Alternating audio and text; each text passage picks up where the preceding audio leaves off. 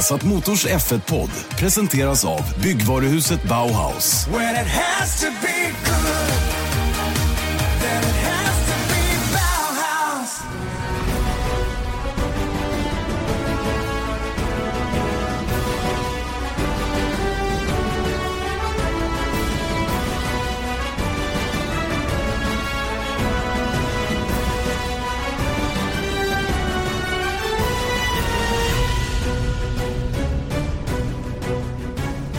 Ja, mycket välkomna till en ny Formel 1-podd. Formel 1-podden som kommer tillbaka den här veckan ifrån Brasilien. Ni hör den som vanligt på Acast, iTunes eller på vesatsport.se. Och med som vanligt finns, eh, förutom jag själv, Janne Blomqvist, också Erik Stenborg. Mycket välkommen till F1-podden. Hej hopp! Eh, hemma i Stockholm, snöar det förresten? Ja, lite grann sådär, men det har lugnat ner sig lite. Men uh, inte det värsta så, inte kaoset har lagt sig.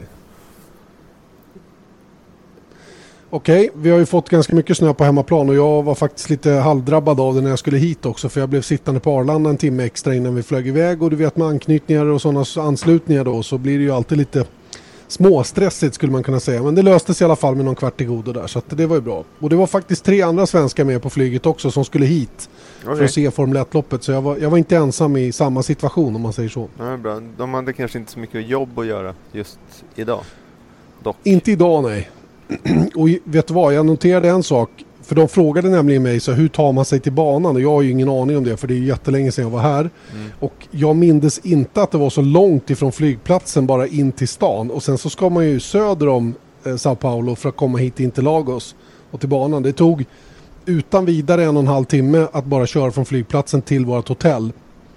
Och där blev det ju en eh, snabb refreshment då innan vi eh, åkte ut till banan då vilket tog ytterligare ja, åtminstone 45 minuter. Mm. Så att det, är, det är lite trixigt faktiskt att komma ut hit. Men ehm, ja, nu är vi här och eh, bra känns det. Det är kul att vara tillbaka här faktiskt. Nya, nya eh, paddock och eh, depåbyggnader?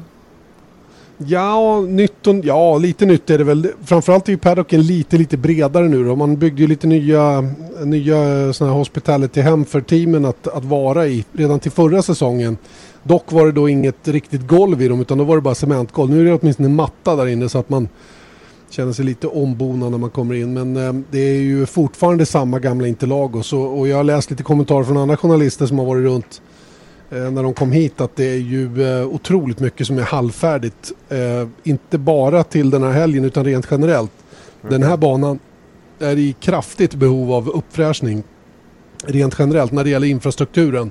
Och det är ju det här som är lite bekymret för arrangörerna här. Att de, de, de, de måste verkligen få klart med kontraktet och förlängning och sen behöva satsa lite grann på att bygga om det här stället. För annars, annars blir det svårt att behålla Brasiliens Grand Prix, i alla fall här på Interlagos. Mm. Men vad, vad är det senaste där om... För att när de släppte första kalendrarna så var den där lilla asterisken på, på uh, bakom Brasilien som brasilianerna blev väldigt upprörda över.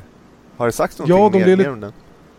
Inte som jag har hört ännu i alla fall utan det är fortfarande oklarheter kring, kring kontraktet och jag tror att det pågår rätt mycket förhandlingar. TV-bolaget här i Brasilien är ju gigantiska och de pumpar in oerhört mycket pengar i det faktum att det ska vara ett brasilianskt Grand Prix. De är även med och, och lägger stora, stora pengar eh, för att det ska finnas en brasiliansk förare på griden till nästa säsong. Mm. Jag hörde av våran förare eh, som är brasilianare som skjutsar oss, Mauricio Sala som är gammal racerförare själv, att eh, Banco do Brasil hade alltså puttat in de två senaste åren 50 miljoner dollar. Wow. 50 miljoner dollar över två säsonger och eh, de eh, måste nog skyffla in lite till och, och mot, då har de då som motprestation utav TV Globo då som är oerhört intresserad av att det ska vara en brasilianare på griden eh, gett fri, fri reklamtid då till banken Mm. och det här hänger ihop lite grann med Bernie Ecclestone och hans vilja också att ha ett, ett brasilianskt Grand Prix givetvis. Mm. Och Felipe Nasser såklart. Nu har de, ja. de är ju sista chansen. Ja det börjar ju bli det och, och, det var också en sak som vi pratade om i bilen faktiskt det här med att eh, Brasilien har ganska tunt på återväxtsidan. Jag kan inte påminna mig att det varit så magert med, med brasilianare på, på hyfsat hög nivå som det är just nu förutom då eh, Felipe Nasa nu när Felipe Massa lägger av. Det är inte så att det står två, tre gubbar och knackar på dörren direkt och finns i GP2 eller har kört på annan hög nivå som, som gör att man känner att de här är Formel 1-material inom väldigt snar framtid. Nej. Och det tror jag oroar lite grann rent generellt.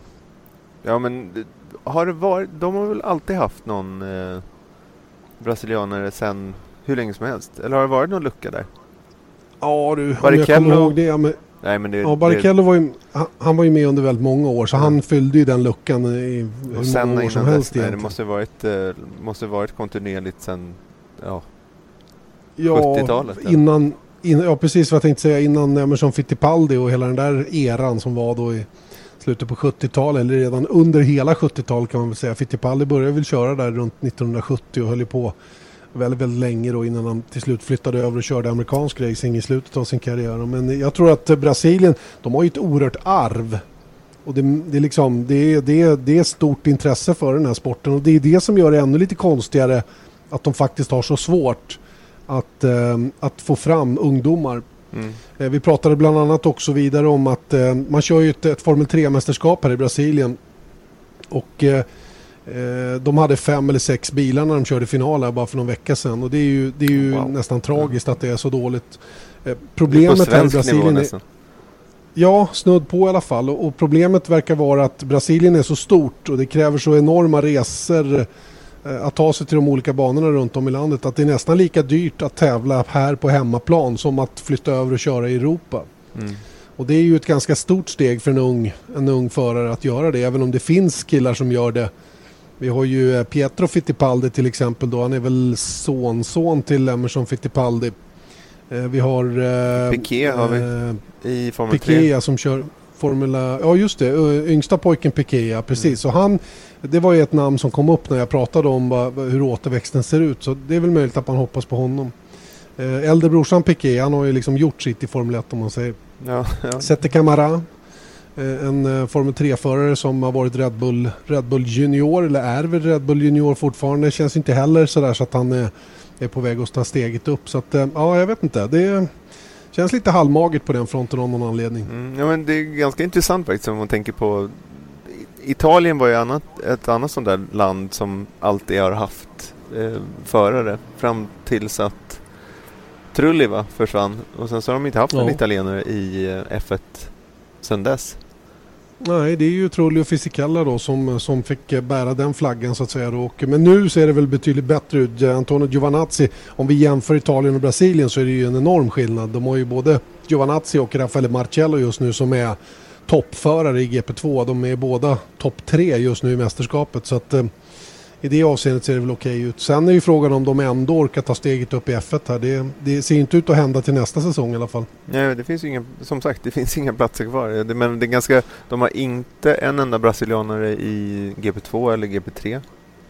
Jag menar. Sverige har ju i varje fall en kvar i en GP2. Så att det, det säger ganska mycket om hur mycket det kan Ja, svänga. har, vi har ju dessutom en toppförare i Formel 3 då i form av Joel Eriksson. Så att det, och vi har haft två svenskar i GP2 under året i år. Så att, ja. nej, jag är lite, lite förvånad över att det ser ut som det gör. Men Det har väl sannolikt lite grann att göra med att den brasilianska ekonomin har varit ganska, ganska hårt ansträngd en längre tid. Och det är väl svårt kanske för företagen att sponsra upp killarna då så att de, så att de har råd att åka på den nivån där de behöver vara för att, eh, för att ta steget upp så att säga. Mm. Och det, det tänkte jag på faktiskt nu när, nu när du nämner ekonomin. Att Brasilien har inte haft speciellt positiv utveckling på den fronten de senaste åren.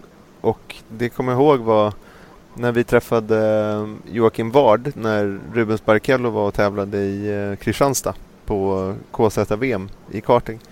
Så mm, sände vi ett reportage inför Italien var det va?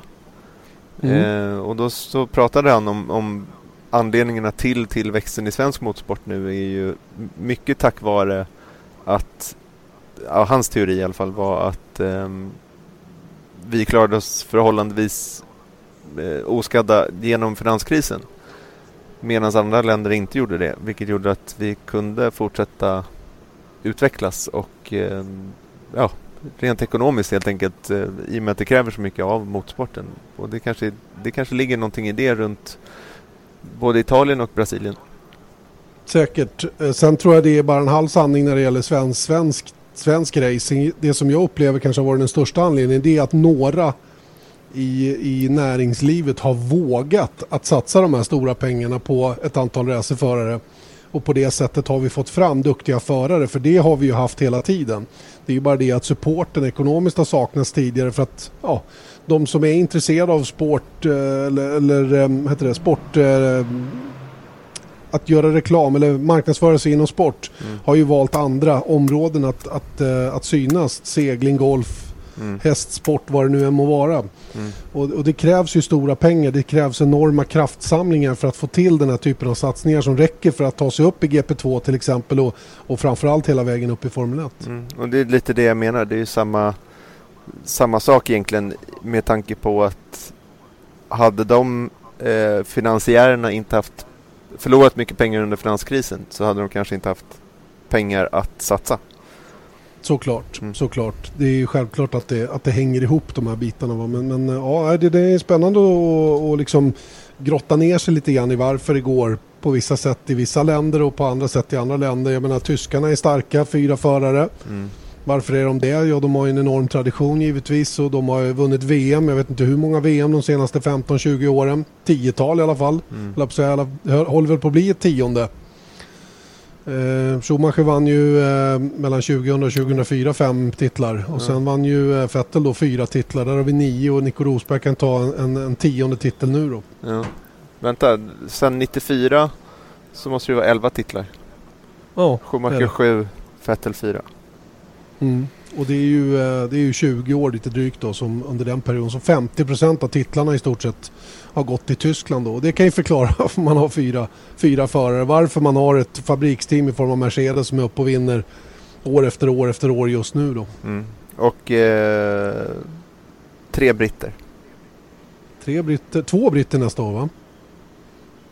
Ja. Just det, det blir det. För Button försvinner. I år har vi tre brittiga. Det är Hamilton, Button och uh, Julian Palmer. Mm. det är lite kul att du, att du kommer in på det för att då kan vi börja toucha vid det som faktiskt är det intressantaste inför den här helgen, nämligen silly season. Om vi bortser ifrån VM-fighten ja. som naturligtvis är långt ifrån ointressant. Men innan det har börjat köra då, mm. om jag säger så så är ju uh, silly season är ju uh, helt galen i år måste man ju säga. Och uh, nu har ju några pusselbitar fallit på plats här senaste veckan. Ja, det känns ju nästan som en, det är lite som Eje sa också att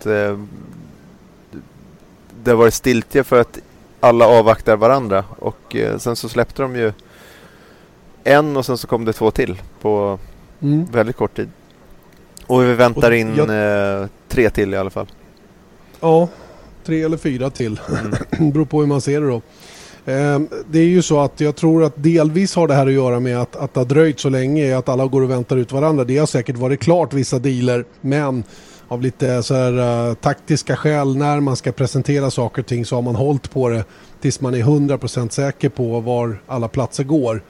Uh, säkert har, uh, har många förare haft både A och B-alternativ. Och eh, när man då märker att A-alternativ alternativet går om intet, ja då är det B som gäller och då kan man lika gärna presentera det på en gång. Mm. Min teori, eh, apropå det här som, eh, ska vi ta alla, pa, Julian Palmer är bekräftad.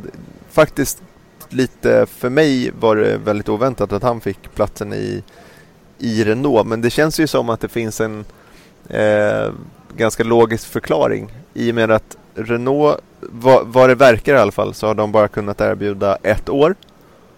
Vilket tyder ju på att eh, det där ryktet som kom fram runt eh, Mexiko var det va? Eh, att Carlos Sainz redan hade skrivit på för Renault 2018. Ja, just. Och det tyder ju på att då blir ju Renault, då kan man ju förstå kanske svårigheten att signa de absolut största förarna till Renault-stallet för att de kan bara erbjuda ett år. Mm, de binder ris åt sin egen rygg där beroende på vad de själva vill givetvis med, med nästa säsong som eh, ändå får betecknas som en, ett, ett steg till i deras återuppbyggnad av det här fabriksteamet. Så att, mm. Eh, ja. Nej, men jag, jag, håller med om den analysen. Självklart är det så. Jag, visst kan man vara förvånad över att Julian Palmer blir den man till slut väljer då att backa upp Nico Hülkenberg. För det blir ju lite, han blir ju en backup driver där. Det är, mm. Jag kan inte se det på något annat sätt. Nico Hülkenberg var inte heller eh, första valet för Renault tror jag i, i den som ska leda teamet. Va? Men nu, nu har han fått den rollen och, och han kommer att bli nummer ett i Renault nästkommande säsong. Och när Kevin Magnussen då valde att tacka nej om jag har förstått det hela rätt och till det här ettårskontraktet då som han eventuellt har blivit erbjuden av Renault för att istället ta en flerårsdeal med Haas vilket allt pekar mot. Mm. Så, så, och, så, och så blir Ocon klar för Force India som var den andra kandidaten då att, att, att köra ihop med, med Hylkenberg ja, då, är inte så, då finns inte så många alternativ kvar för Renault heller. Eh, att att eh, få en förare och då är det bättre att köra vidare på kontinuitet, vilket man nu gör då och eh, kör vidare med Julian Palmer. Jag tycker det är ett, det är ett bra beslut eh, på något sätt, sett till de förutsättningar som finns runt omkring. Mm. Ja, men det är just det där att det, jag tycker att, att de tog Palmer. Jag säger inte, jag har ingenting emot Palmer, men han har inte varit liksom eh, någon superstar i år. Trots att han har varit liksom, han har ju matchat Magnusen många gånger. Eh, trots att han har färre poäng då. Eh, men det tycker jag bara säger ganska mycket om just det du pratade om. Att det kan bara ha varit ett ettår. Eh, ett mm. års eh, kontrakt. För att annars så hade ju, hade Kevin fått två år så hade han ju såklart tagit det. Självklart, ingen tvekan om saken.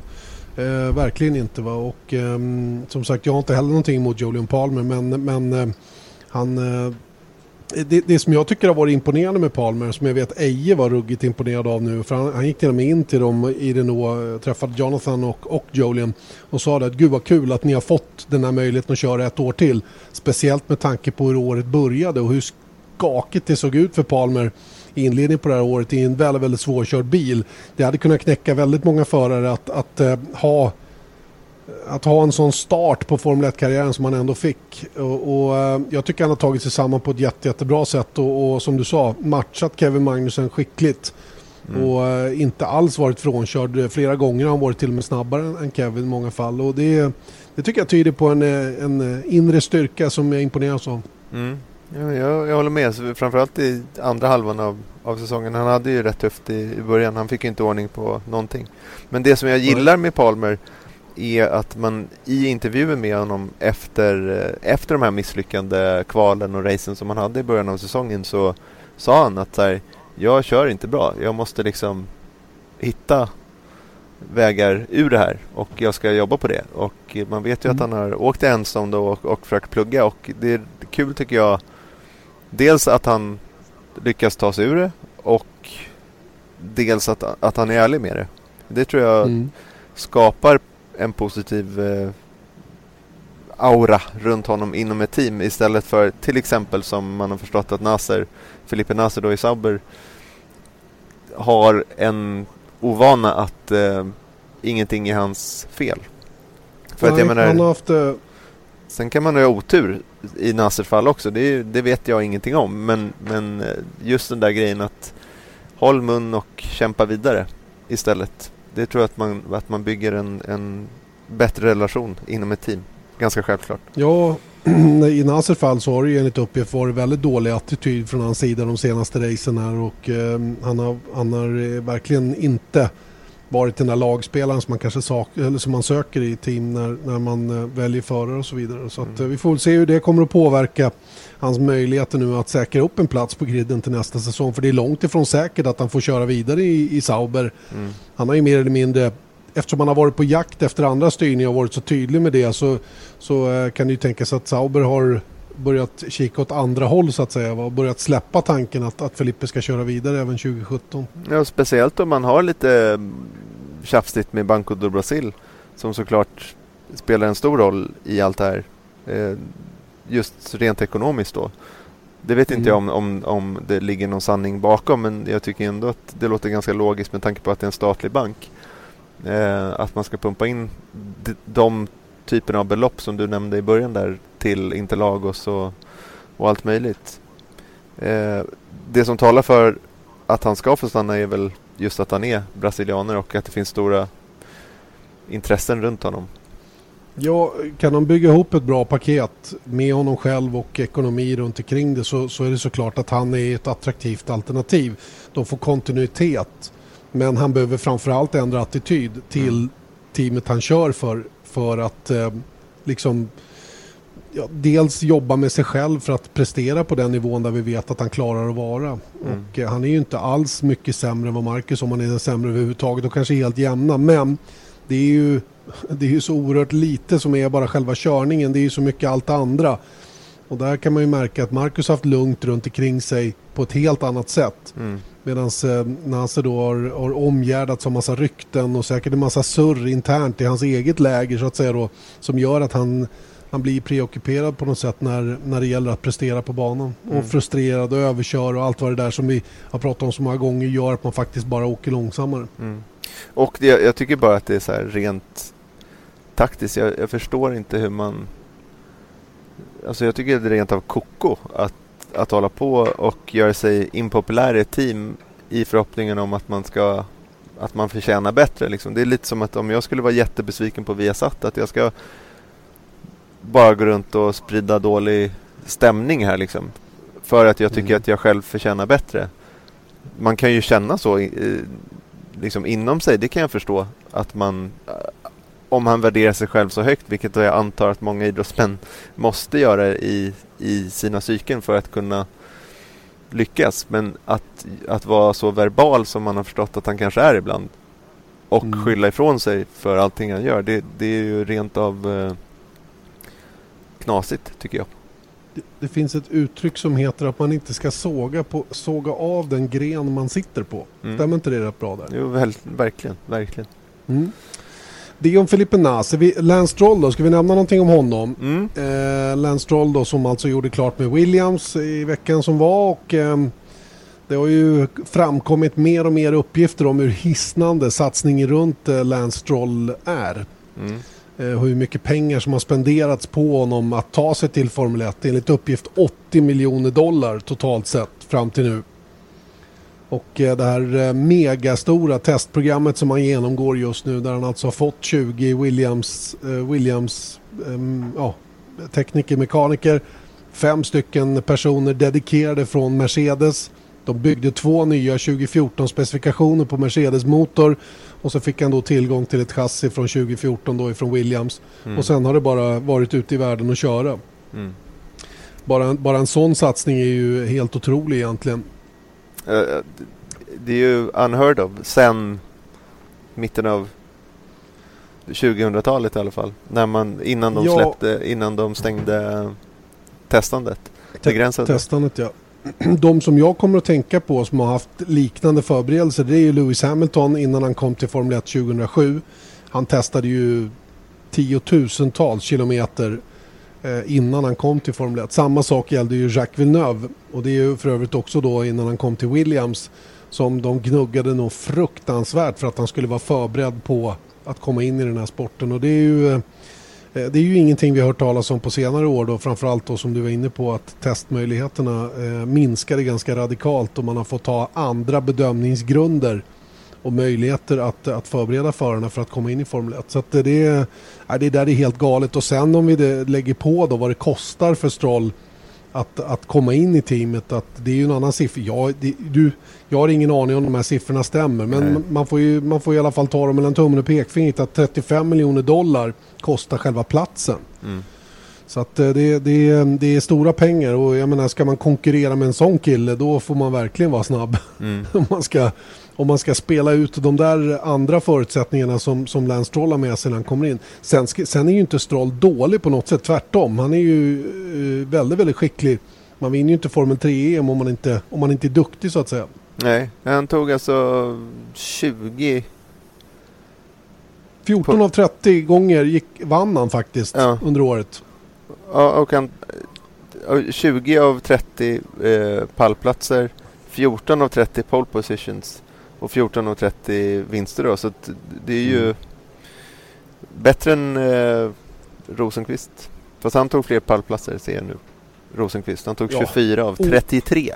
Men han hade fler Oavsett det. Men vi ska inte glömma att Stroll gjorde det här sin andra säsong redan och, och Felix höll ju på några år innan han kom till det här läget att han satt i det absolut bästa materialet. Mm.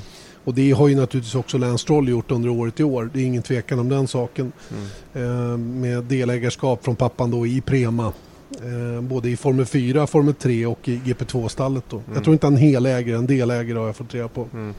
eh, oavsett det så är det ju en, en, en tung satsning minst sagt då. Ja. Men Och, jag, eh, jag tänker också lite så här att kritiken runt det då att man vet ju då att det, det kommer ju komma om du inte redan har gjort det så är det ju liksom paydriver-stämpeln igen den där som vi inte är speciellt förtjusta eh, över. Men jag tycker också lite så här, ja okej, har man de pengarna och det är klart att man skulle kunna donera dem till välgörenhet för att eh, bidra på ett annat sätt. Men har man de pengarna och man vill göra det här. Det är ju ett drömläge för vilken, vem, vilken förare som helst att få förbereda sig på det här sättet. För, för egentligen så är det ju fullkomligt rimligt att man förbereder sig på det här viset innan man börjar köra Formel 1. I, i jämförelse med eh, Marcus Eriksson till exempel som, vad var han fick? 20 varv eller någonting sånt där för att den där bilen inte funkade i Caterham 2014. Eh, det är ju nästan o... Eh, vad säger man? Det är nästan lite oansvarigt liksom att, att Mm släppa ut någon på en bana med så lite testande. Sen förstår man ju att, att, att man såklart tar chansen för Eriksson skulle i, i det fallet men jag menar man måste ju få träna. Ja, visst är det så. Vi får inte glömma dock att Marcus gjorde fyra år i GP2 innan. Det har ju inte Stroll gjort. Så att det går att bolla det där fram och tillbaka. Vilket jag, jag kan ha problem med en sak i en sån här gigantisk satsning. Det är att han flyttar fram gränserna till en, till en nivå som är så oerhört svårt för någon annan att komma till. Mm. Och eh, om det där blir någon slags benchmark framöver, vilket jag hoppas att det inte blir och det, det kanske faller på sin egen orimlighet när det gäller så stora pengar. Men det är inte bra om, om det ska vara på det viset för att ta sig till Formel 1. Det tycker inte jag. Jag tycker det, är, det ger fel signaler till alla andra som håller på. Mm. Att, eh, att eh, för att det ska vara kassaskåpssäkert så måste man ha så här mycket pengar för att verkligen klara att ta sig igenom alla juniorklasser då och hela vägen upp till Formel 1. Det är ju det är orimligt. Va? Så får det inte vara. Och, och, ja, jag hoppas man eh, på sikt hittar något annat sätt och framförallt underlätta för teamen att förbereda sina förare med, med till exempel mer körning. Nu kan ju vem som helst naturligtvis rulla ut en 2014-bil till Mm. en ung förare som man räknar med ska köra. Det är inga konstigheter. Det är ju bara en fråga om att betala för det. Mm. Och då är vi tillbaka, tillbaka till, till ruta ett egentligen då. Att har man mycket pengar då kan man lösa det. Har man inte mycket pengar då får man köra de där 20 varven Mm. eller eh, t- 300 varven på försäsongen och that's it liksom. Sen ska Mm. man börja tävla. Mm. Ja, det, det negativa med det också är ju, jag håller för övrigt helt med i eh, det du sa, men är också att det kommer ju inte så mycket nytta eh, på, i ett brett spektra eh, att Stroll gör det här. För att det är ju bara han själv som får träna egentligen med, med två år gamla grejer. Det är inte, alltså Pirelli får inte dra nytta av det här liksom. Nej, nej. Och det är Nej. lite synd. Så att egentligen så hade man ju kunnat än en gång då Ja, hävda det- att det hade varit bättre att han hade fått eh, ett antal Young Driver-dagar då för alla team.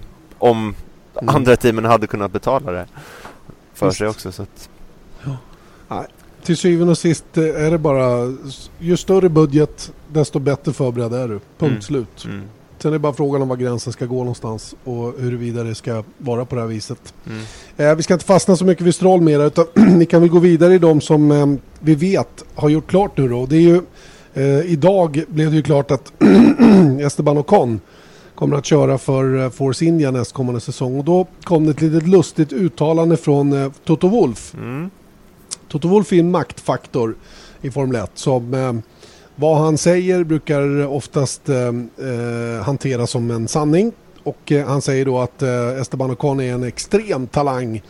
Eh, oerhört högt ansedd och, och hela den biten. och han säger därmed också att eh, det är skönt att talang styr över pengar, säger han. mm, Och då börjar jag klia med huvudet lite grann. För hur hade detta varit möjligt utan att han hade haft Mercedes bakom sig? mm, Och vi vet ju kopplingen mellan Mercedes och Force India. mm, Är inte det pengar? mm. Jo. Jag säger inte att de, eh, att de ger rabatt på motorerna till 100% för det gör de inte. Det finns, det, det finns inte en chans för så mycket är inte Ocon värd. Men låt säga att de ger 25% i rabatt Ja. på motorerna. Så är det ju ändå stora pengar som, eh, som då krävs för att Ocon ska få den här möjligheten. Så det är klart att pengar styr även här. Ja. Eller hur? Ja, ja. Det, men det, det, allt styr. Det spelar ingen roll vilken förare du har. Så, så är det det som är, ligger i, i grunden. Mm. På ett eller annat sätt. Ja, jag, bara, jag tycker det var lite osmart uttalande faktiskt. Om det nu är så att det är så han har sagt i, man får inte glömma att sådana här citat kan ju tas ur, sin, ur sitt sammanhang och, och låta värre än vad de kanske är. Va? Men, men just att påstå att, det, att talang styr över pengar. Mm. Det får man ju hoppas att det är någon slags kombination. Och det är ju så jag i alla fall eh, drömmer om att Formel 1 fungerar. Att det är kombinationen talang och pengar som styr om man kör i Formel 1 eller inte. Mm. Ja men så är det ju. Men det är ju anledningen till att Mercedes satsar på honom är för att han är bra. Mm. Hade han varit dålig så hade inte Mercedes satsat på honom och därav är det så. Och det är samma sak med Ja. alla. Hade Nasser varit dålig så hade inte Banco do Brasil satsat på honom från början. Eh, samma sak med Marcus. Hans finansiärer hade inte satsat på honom om han var en dålig förare. Varför skulle Nej. de? Nej, och Max Verstappen hade inte fått support från Red Bull och så vidare och så vidare. Nej. Så att, ehm, för det är ju sällan, det är sällan de här pengarna som kommer ifrån eh, eventuella finansiärer kommer ifrån sporten själv, från teamen så att säga. Utan det är ju extra tillsatta medel som man skjuter till för att möjliggöra då en körning för en förare så att säga. Mm. Men varför är Ocon så högt ansedd tror du? Ja, jag försökte, försökte ta reda på det lite grann och, och resonerade med Eje om det här om dagen och jag ri- jag ringde faktiskt upp honom och frågade så här, men du, för jag skrev nämligen i bloggen att min tolkning är att Mercedes håller Ocon högre än Wehrlein. Mm. Wehrlein som har varit längre i Formel 1 och, och eh, ja, ha- har åtnjutit eh, full support så att säga då fram till nu. Och då eh, blir man ju lite så här fundersam när, eh, när det är Ocon som får chansen att klättra upp och Wehrlein helt plötsligt hänger lite grann i luften. Mm. Beroende på vad som händer med Manor till nästa år och så vidare. Mm. Så att, eh, jag fick väl ingen riktig klarhet i det där. Om det är så att eh, Mercedes har någon annan tanke kring, kring Ocons karriär framöver. Om de letar andra möjligheter eller om man helt enkelt bedömer att Ocon verkligen är eh, bättre än vad Wehrlein är på många områden. För i år så har ju Wehrlein varit starkare än vad Ocon har varit. Det är ju, det är ju Wehrlein som har tagit poängen till exempel. Nu var ju det innan Ocon körde överhuvudtaget. Va? Men jag tycker inte Ocon har varit liksom någon, någon, eh, någon magisk kula som har kommit in här och bara vält omkull sporten på något sätt med sin körning i Manor, eller hur? Mm. Det, är, det är precis det jag menar. Att, att jag Mm. ser inte... Jag menar, när, när Wehrlein kom in så var han the golden boy. Liksom. Att eh, DTM-mästare och han skulle eh, groomas i, i Manor innan han skulle ta klivet upp till Mercedes. Och det, jag, Mm. jag förstår inte vad... För att jag menar, det är ju ett... Snacka om promotion sett till att hasa runt i, i, eh, i Manor och sen så komma upp till fjärde placerade Force India. Mm. Och, och Con var liksom självskriven där och det är liksom eh, och även för Renault att, att de verkar också ansett honom väldigt eh, högt då. För att eh, i och med att han var så eh, det var så mycket snack runt honom i Renault också. Jag kan ha en liten förklaring som jag hörde här nere nu. Jag, jag avslöjar inte varifrån utan jag bara, jag bara fick reda på det och det, jag köper det för det kommer från en stabil källa. Det är att, eh, att eh, Ocon gör ett bättre jobb ihop med teamet än vad Wehrlein gör. Force India har testat Ocon och Wehrlein och kan jämföra. Och eh, därför så eh, eh, och, och utifrån det jag hörde då att Ocon eh, helt enkelt är, bättre under tester och sitt feedback och samarbete med team rent generellt. Att det är det som har fällt avgörandet i slutändan. Och det är, låter väl rimligt. Om, om det är baserat på de grunderna så, så, så fine. Det är, det är en väldigt viktig detalj i att lyckas i den här sporten. Det är att klara av de bitarna också. Ja, men det måste vara en enorm skillnad då. Förstår du vad jag menar? Att Ja. min känsla runt positiviteten runt Ocon och den relativa tystnaden runt Wehrlein som än en gång är vad DTMS. Han lyckades bättre i DTM. Det är inte en direkt jämförelse så kanske, men eh, än vad Ocon gjorde. Så att, och, Ja, och, och han har varit bättre på banan och allting sånt där också. Så att, men det måste ju finnas en förklaring till det. Så att, så att, ehm, det kanske är att han är fransman. Det är väl eh, bra för Mercedes också att sälja lite bilar i Frankrike. Så kan det vara. Så kan det naturligtvis vara också. Det finns ju massor med aspekter på det naturligtvis som är, De har redan som är inblandade i ett sånt här. Ja. Ja, Ja. jo, det är i och för sig sant. Eh, ja, vi kan sammanfatta därmed då de platserna som har varit öppna nu då som det har hängt lite grann i luften och där även Marcus Eriksson har varit med i diskussionen. Så kan vi konstatera då att Force India alltså nästa år kör med Sergio Perez, Esteban Ocon. Renault kommer att köra med Hülkenberg, Nico Hülkenberg och med Julian Palmer. Eh, och eh, sen är det ju då eh, frågetecknet där kring den ena platsen i Haas som då Esteban Gutierrez lämnar efter sig. Kanske. För han blir inte kvar nu. Nej, Nej. men det, han blir inte kvar. det, det är till 99,9% säker på nu. Mm. Och att den platsen kommer att fyllas av Kevin Magnusson då som uppenbarligen har fått ett flerårsavtal och som, som jag har hört bakvägen då är påskrivet och klart. Där, men inte bekräftat ännu. Mm. Och då är ju platserna i Haas också fyllda. Och då återstår ju faktiskt bara Sauber och Manor kvar. Mm. Och eh, vilka är aktuella där? Det är väl inget långskott att tro att Marcus Eriksson har väldigt goda möjligheter att köra vidare för Sauber ytterligare en säsong. Nej. Eh, sen, sen satt vi faktiskt i bilen och resonerade lite grann om, eh, om eh, det är våra tekniker här som är och fixar med våra monitorer. Det är Känner igen den plingar där lite. uh, ringsignalen. Signalen, ja. eh, jo, det är att Jordan King som, kört för racing, som kör för racingen i GP2 i år ska vara den som kör den ena Manor-bilen nästa år. Mhm. Och det låter ju inte orimligt eftersom hans pappa då är med och deläger eh, Manor-teamet. Så det, det och Jordan King tror jag inte kan köra ett år till i GP2 utan nu ska han in i Formel 1, ja då är det nu det ska ske på något sätt. Va? Så det låter fullständigt rimligt det också på något sätt. Mm. Vänta, vad, vad, innebär- han, körde för, han körde en fredagsträning nyligen. Var det för Manor Ja, eller nu var det- eller? Var, nej, nej, han körde för Manor. Ja. Det var väl i Texas va? Ja.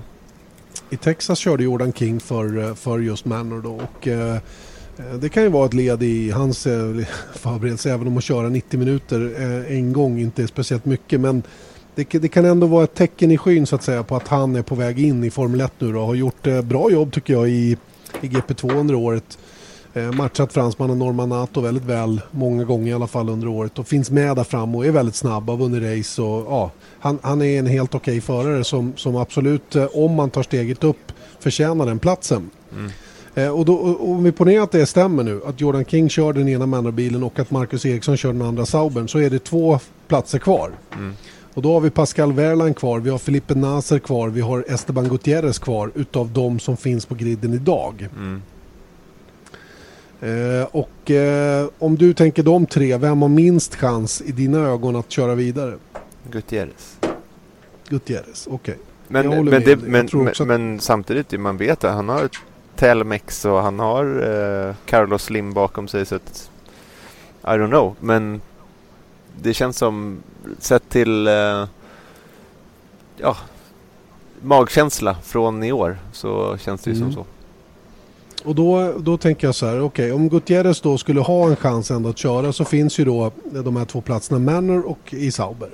I Sauber har Gutierrez kört förut. Jag vet att de var inte nöjda med hans senaste session. Han var väldigt omotiverad och uppträdde lojt och, och ganska ointresserad när han körde där.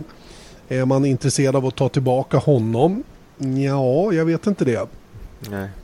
Ställer vi det då i relation till, eh, till uh, Filipe Naser så eh, är det väl lite grann samma situation med Naser. Mm. Inte, inte 100% ihop med teamet. Och, ja. Men han har ju samtidigt visat att han är kapabel. Det gjorde han under det första året i Formel 1. Absolut. Nasser kan i sina bästa dagar när han har allting runt omkring sig i ordning vara väldigt, väldigt stark. Så att de- två är lite för 50-50 mellan dem. Sen har vi ju då eh, Pascal Wehrlein. Fast jag skulle ändå Och säga skulle- att Nasser har eh, åtminstone 70-30 Okej. eftersom 70-30, stabilitet okej. Ändå. Mm. Ja men fine. Ja. 60-40 då. Mm. 70-30 menar jag. 60-40. Jag säger 60-40. du säger 70-30. 65-35. säger vi. Ja bra, bra. Ja. Vi kör på det. Vi kör på det. Det är en bra kompromiss. Mm. Sen har vi ju outsidern i det här gänget då, Pascal Wehrlein. kan han hamna i Sauber tro? Ja. Det, det bygger Ja, ju kan på... det?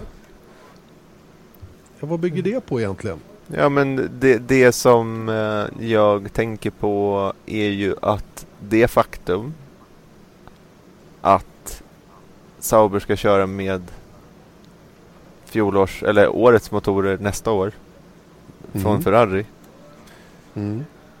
indikerar ju, det har det gjort från början tycker jag, att de är, vill byta motor. Ja, de är, inte, de är inte säkra på hur de vill göra i alla fall. Ja, för annars varför ska man, varför ska man liksom, för jag tror inte dugg på det här som Kaltenborn säger att så här, nej, vi vill köra med eh, 2016 års motorer. Det hade vi för gjort. att det av logistiska skäl skulle vara smartare. nej, men liksom, det är ju, det är ju ingen som tror på. nej, väldigt få i alla fall. Ja, och då indikerar ju att de inte har skrivit på någonting längre med Ferrari. För att de kanske inte Nej. vill ha Ferrari. Eller någonting annat. Just det. Just det. Och då skulle Och då ju- Sauber köra Mercedes-motorer 17 då? Eller? Skulle det kunna hända ja. Skulle det kunna hända ja. Mm. Det är ju faktiskt en, en tänkbar möjlighet. Eh, och eh, Sauber Mercedes det är ju inget, eh, inget nytt fenomen. Nej. De har ju samarbetat förut. Eh, när de startade sin karriär så var det ju Sauber Mercedes. Sen har det ju faktiskt varit Ferrari för hela slanten faktiskt för Sauber efter det. Mm. Så att det är ju två väldigt, väldigt eh, långa samarbeten då som man har haft. Sauber och Mercedes var ju kompisar redan på sportvagnstiden innan de klev in i Formel 1. Mm. Och sen har det ju då varit Sauber Ferrari då under väldigt, väldigt lång tid. Den vackra Sauber, vad heter den? C13? C? Kanske? 93 i alla fall. Och tror Mm. den svarta, med helt svart och så står det bara Mercedes-Benz på motorkåpan. Mm. Mm. Så att eh, nu spekulerar vi vilt här. Herregud, vi har ingen aning om det här är, stämmer överhuvudtaget. Men det, det, det känns inte... Alltså, man måste ha med sig det här när man sitter och pratar i alla fall om Pascal Wehrlein. För att eh, skulle det inte vara så att han var aktuell för att flytta från Manor, Mm. då hade han varit bekräftad redan. Det är jag Mm. ganska säker på. Varför skulle man vänta med det? Mm. Att de inte i alla fall kollar på någonting annat. Men det är väl samma sak. Varför inte i och med att folk, liksom vi och många med oss har varit ganska säkra på Ericsson i Sauber. Det är väl för att man har kanske kollat på någonting annat också. Mm. Det är dumt att, present, liksom, att vara först. Att, att Det- säga att, det man- ju- att man ska köra kvar någonstans om det finns möjlighet att man kör någon annanstans. Ja men det är ju precis så det har varit. Ja. Det är klart att de har, de har haft eh, tentaklerna ute på många håll. Mm. Renault, Force India, eh, kanske något mer team då. Det var ju Williams under en period också. Mm. Eh, och innan alla de där bitarna faller på plats och man till 100% vet Mm. att man inte är aktuell för de styrningarna, då först. Det var ju det jag menade med tidigare. Man Mm, har en. A och en B-plan. Mm. Och det, det är liksom... eh, Det, det är ändå intressant och därför så, så kan inte jag avfärda Pascal Wehrlein för en flytt till Sauber heller. Nej. Om de kan komma överens på något sätt. Annars har ju det hetaste ryktet kring nya motorer för Sauber varit Honda. Mm.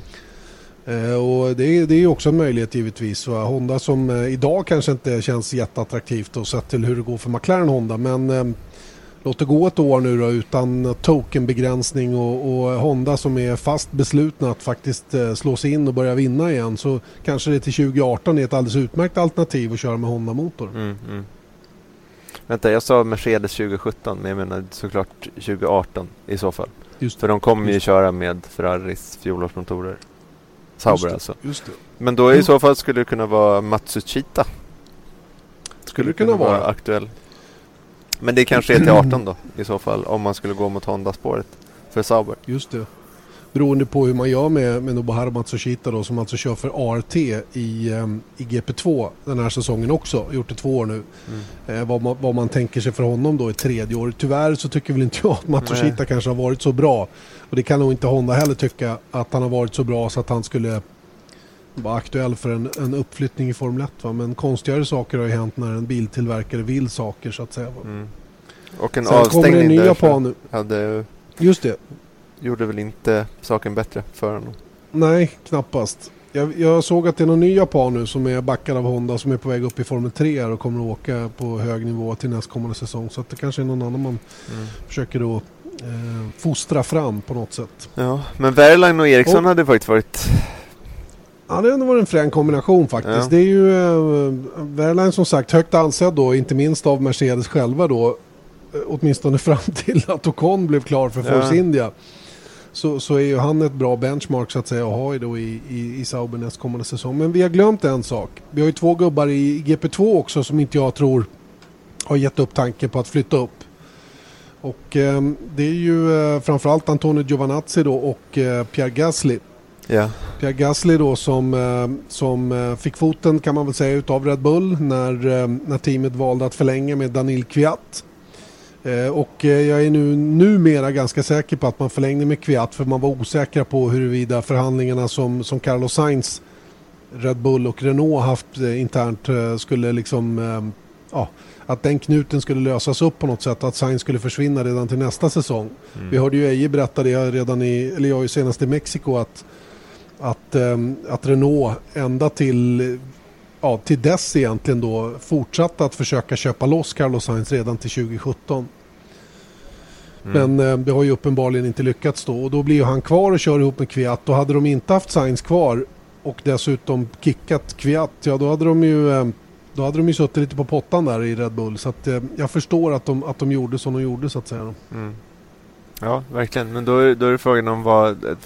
det ger ju plötsligt ett incitament då för Red Bull att fortfarande försöka få in Gasly i, Gasly. Eh, mm. i, i eh, Formel 1. Mm. Och där är det väl Manor det har pratats eh, mest kring en eventuell start för honom i Formel 1 och att han skulle hamna i Manor till nästa år. Men han är, det är ju inte heller omöjligt att han kan vara aktuell för, för den andra platsen i Sauber i sånt fall då. Mm. Och när det gäller Giovanazzi så är han supportad av Ferrari ganska hårt. Eh, och de, de trycker på hårt för att, eh, för att eh, hjälpa honom in i, i, i Formel 1 också då. Och de har ju samma påtryckningsmedel som Mercedes har. Nämligen att de kan ge rabatt på motorer om, om det skulle vara aktuellt. Mm, mm.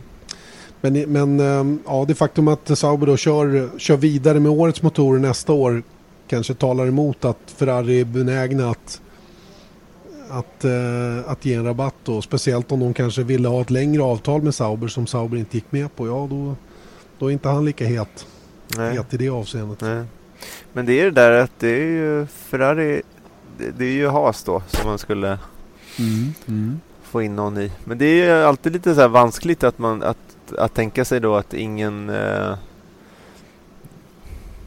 Ja, men jag vet inte, för det kändes som att Haas var verkligen hela syftet med Haas var ett B-team till eh, Ferrari. Men det känns inte som att mm. det är det längre för att jag menar dels så Grosjean har ju inga kopplingar till Ferrari och Gutierrez hade ju det men om, om Magnusson är, kommer in där då så har han ju inte någonting där.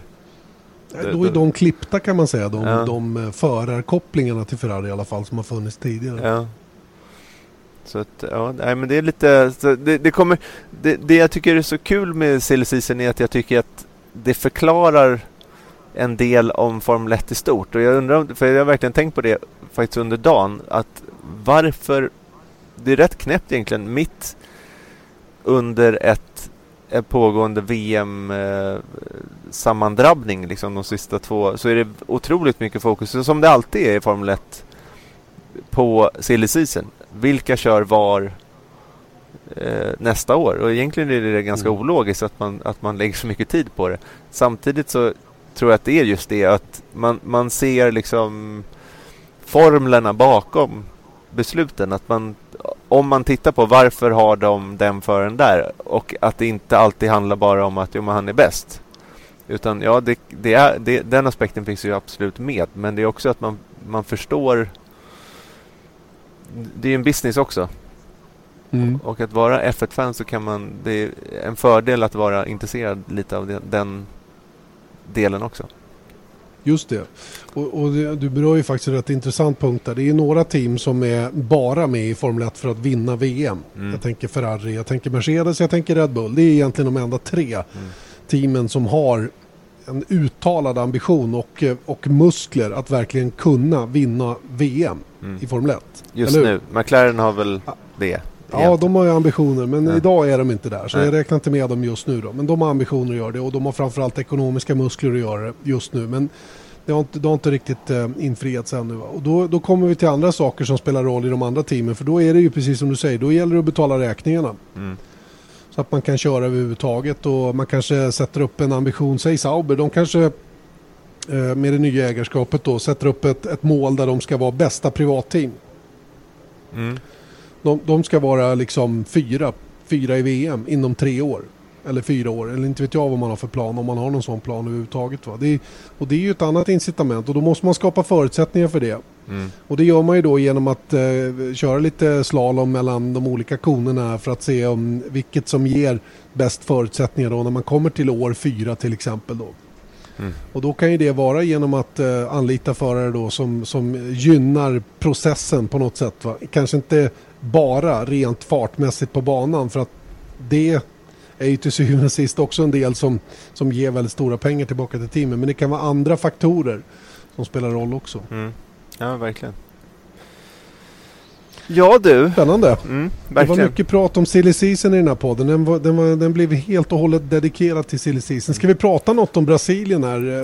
Eh, Inte Lagos och hela den här grejen innan vi rundar av här. Ja, alltså Ehm. VM. Vi måste... Vi kan Ja. ha en alldeles sprillans ny världsmästare på söndag.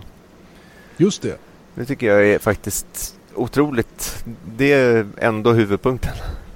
Ja men självklart är det. Men det, då kommer vi tillbaka till det du sa nu. Så att det är så mycket annat i den här sporten Ja. som, som röner stort intresse att VM-fighten nästan ramlar bort. Mm. Eh, faller ur i alla fall. Men nu är vi lite blågula eftersom Marcus Eriksson är med i det här. Så att det kanske är att man hänger kvar vid, vid de här platserna längre bak i, i kön så att säga. Då, lite mer än vad det egentligen är värt. Mm. Men, men eh, oavsett det så är det ju oerhört spännande och integrerande att, att eh, det faktiskt kan bli så att Nico Rosberg säkrar VM-titeln här på söndag. Mm. Om, man, om man vinner racet och än en gång då, Hamilton har aldrig vunnit i Brasilien så att eh, rent statistiskt sett, det där gamla vanliga, är att eh, det ser bra ut för Rosberg. Vinner han racet så vinner han VM. Kommer han tvåa så får, eh, och eh, Hamilton kommer fyra och sämre så vinner han VM. Kommer han trea och Hamilton är sexa eller sämre så, så eh, vinner han också. Hur är det nu? Tar han sex poäng mer än, än Hamilton så blir han världsmästare va? på fler vinster i år. Det har vi kommit fram till tidigare va? Eh, han har ju nio va? Blir det, inte- blir det inte Tio- 10 tio- tio- tio, tio- nio? Ja, tio, nio. ja. Ja, tio, Mm. åtta kanske till och med. Ja men om Hamilton, ponera att Hamilton vinner Ja, ja, ja, ja, absolut. finalen, finalen. Mm. Ja, oavsett vad så, så, så leder han med 19 och eh, tar han 7 poäng mer än Hamilton nu på söndag. 6 sex poäng mer. Nej, 7 poäng mer än Hamilton på söndag. Då spelar det ingen roll. Då är han världsmästare. Punkt slut. Mm. Och eh, det där, eh, det, det, jag pratade lite med Marcus Eriksson om det när vi, vi satt där nere och käkade lite lunch och, och eh, pratade just om det här med yttre press och, och vi har ju varit med om några finaler som har avgjorts här i Brasilien där förare får helt plötsligt bara kör på ett helt annat sätt än vad vi har sett hela säsongen bara för att de är på väg att avgöra VM. Mm. Och, och det, det tycker jag talar sitt tydliga språk för att det är någonting som påverkar föraren rent mentalt. Mm.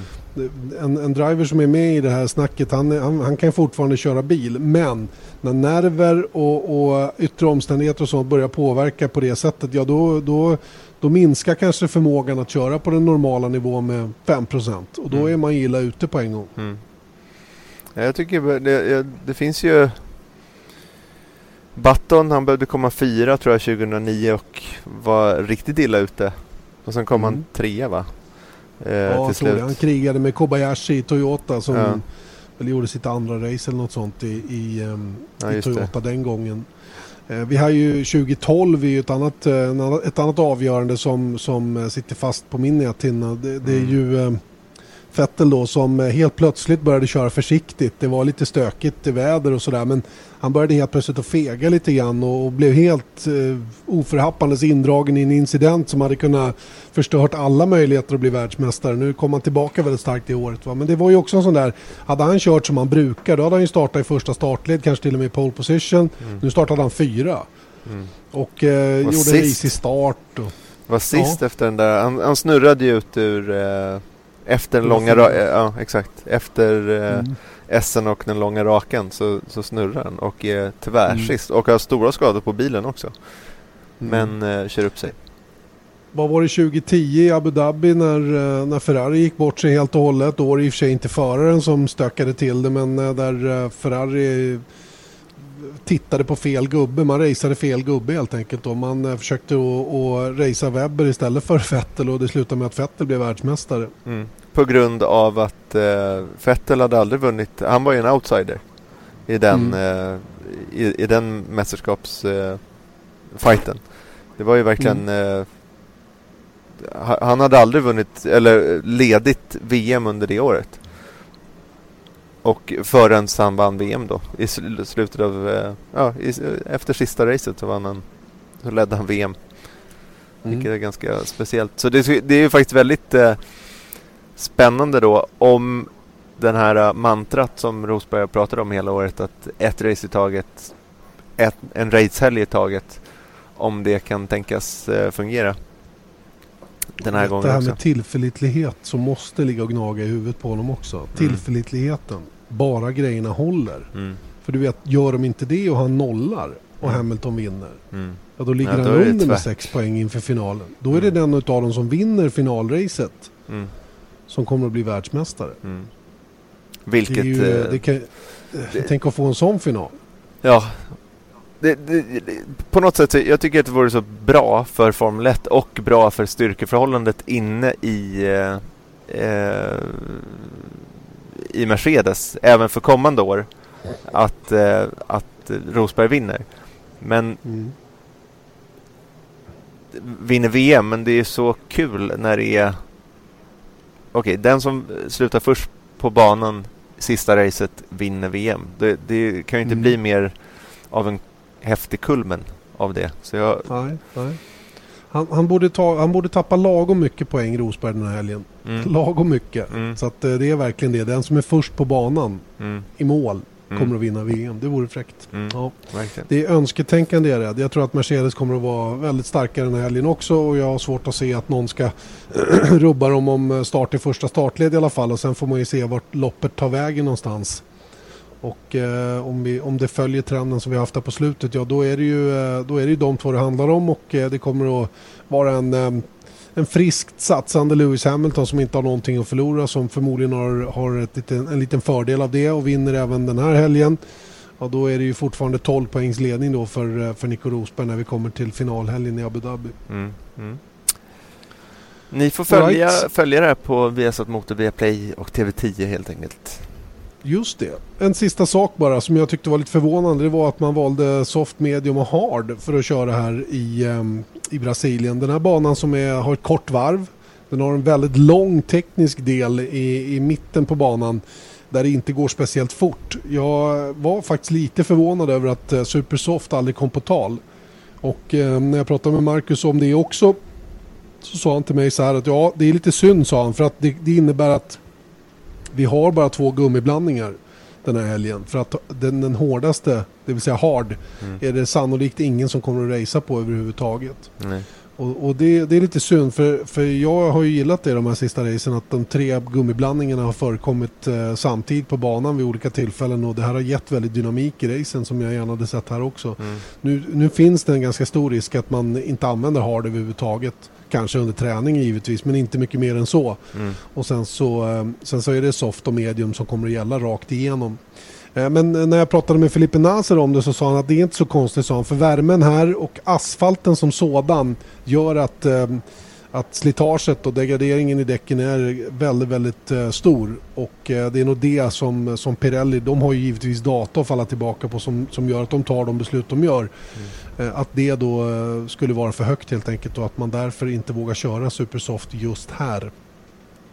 En annan faktor som, eh, som jag har fått, reda på det är att man har gjort rent asfalten på något sätt. Man har haft maskiner som har kört här och som har städat upp asfalten på något sätt. Jag vet inte riktigt hur men, men enligt uppgift så har man, har man förberett asfalten på ett annat sätt inför årets upplaga. Vi får väl se hur det kommer att påverka också så småningom. Ja, jag såg att de också hade gjort ehm, eh, eh, sådana skåror för det, när det regnar och det är där som man kan hoppas på att eh, det kan ju regna och då spelar det ingen roll eh, vad som, hur, vilka torrdäck man har. Och det, det, prognosen säger i alla fall eh, några regnskurar under lördagen och regn på söndagen. Så att, eh, det kan ju bli, eh, då kan man eh, glömma allt det där med torrdäcken. Våran brasilianske chaufför sa att det kommer att vara varmt på dagarna och runt klockan fyra så kommer det börja regna. Och varje dag frågade jag. Ja, sa han. Mm. Inga konstigheter. Mm. Och igår regnade det nog alldeles vansinnigt. Ja, igår regnade det alldeles vansinnigt här och eh, även i natt. Så att, eh, ja, vi får se. Och jag tittar faktiskt ut just nu och, och, det har ju varit kanonfint väder. När vi landade i morse var det klarblå himmel. Eh, men nu har det liksom byggts upp eh, lite stackmoln och de blir lite gråare och gråare allt eftersom här. Så att det är mycket möjligt att det bygger upp någon, någon form av vädersystem där det kommer att regna igen under eftermiddagen. Mm. Ännu, ännu det, mer spännande. Ja, ännu mer spännande. Eh, hade du några tider för helgen innan vi lägger av så att vi är uppdaterade på dem? Eh, ja, eh, de finns ju alltid på ehm, eh, viasasport.se. Men eh, låt oss ta dem då. Då har vi mm. första träningen eh, 12.55 på fredag och eh, sen 16.55 på eh, lite senare på eftermiddag kväll. Så det blir bra fredagsmys kan jag tycka. Mm. Eh, tredje träningen på lördag 13.55. Kvalet eh, börjar vi sända 16.40 eh, på lördag eftermiddag och sen då 16.15 på söndag uppbyggnadsprogrammet inför Brasiliens Grand Prix. Och vad får vi där då? Det är mycket, mycket mästerskapsfokus. Vi tittar tillbaka lite på mm, på Rosberg. Vem är han? Vad har han gjort egentligen? Var kommer han ifrån? Eh, och eh, även då alla förutsättningarna inför det här sista racet baserat på vart de eh, startar. Sen så har vi en exklusiv intervju med Filippe Naser och med Kevin Magnusson bland annat. Mm en hel del att se fram emot alltså. Men ni kan inte se fram emot mer poddande för nu tänker jag sluta med det här. Vi har hållit på närmare en timme om inte över det och eh, jag tycker det kan räcka gott som uppbyggnad inför den här helgen. Eh, kul att alla tycker det är så roligt med podden för de flesta i alla fall som jag pratar med frågar när kommer podden, när kommer podden och jag eh, försöker att leverera någorlunda jämnt här, eller du och jag försöker leverera någorlunda jämnt här. Ibland klarar vi inte det men oftast gör vi det i alla fall. Och, eh, som sagt, det är oerhört kul och fortsätt gärna att lyssna på den även i eh, framtiden. Vi eh, säger därmed tack och påtrörande. Nästa podd hör du i nästa vecka. Onsdag, torsdag där någonstans. In, ja, inte inför finalen men eh, mellansnack inför finalen i alla fall lär det bli den gången. Eh, tills dess säger vi nu tack och påtrörande från eh, poddredaktionen Janne Blomqvist och Erik Stenborg. Vesat Motors F1-podd presenterades av byggvaruhuset Bauhaus.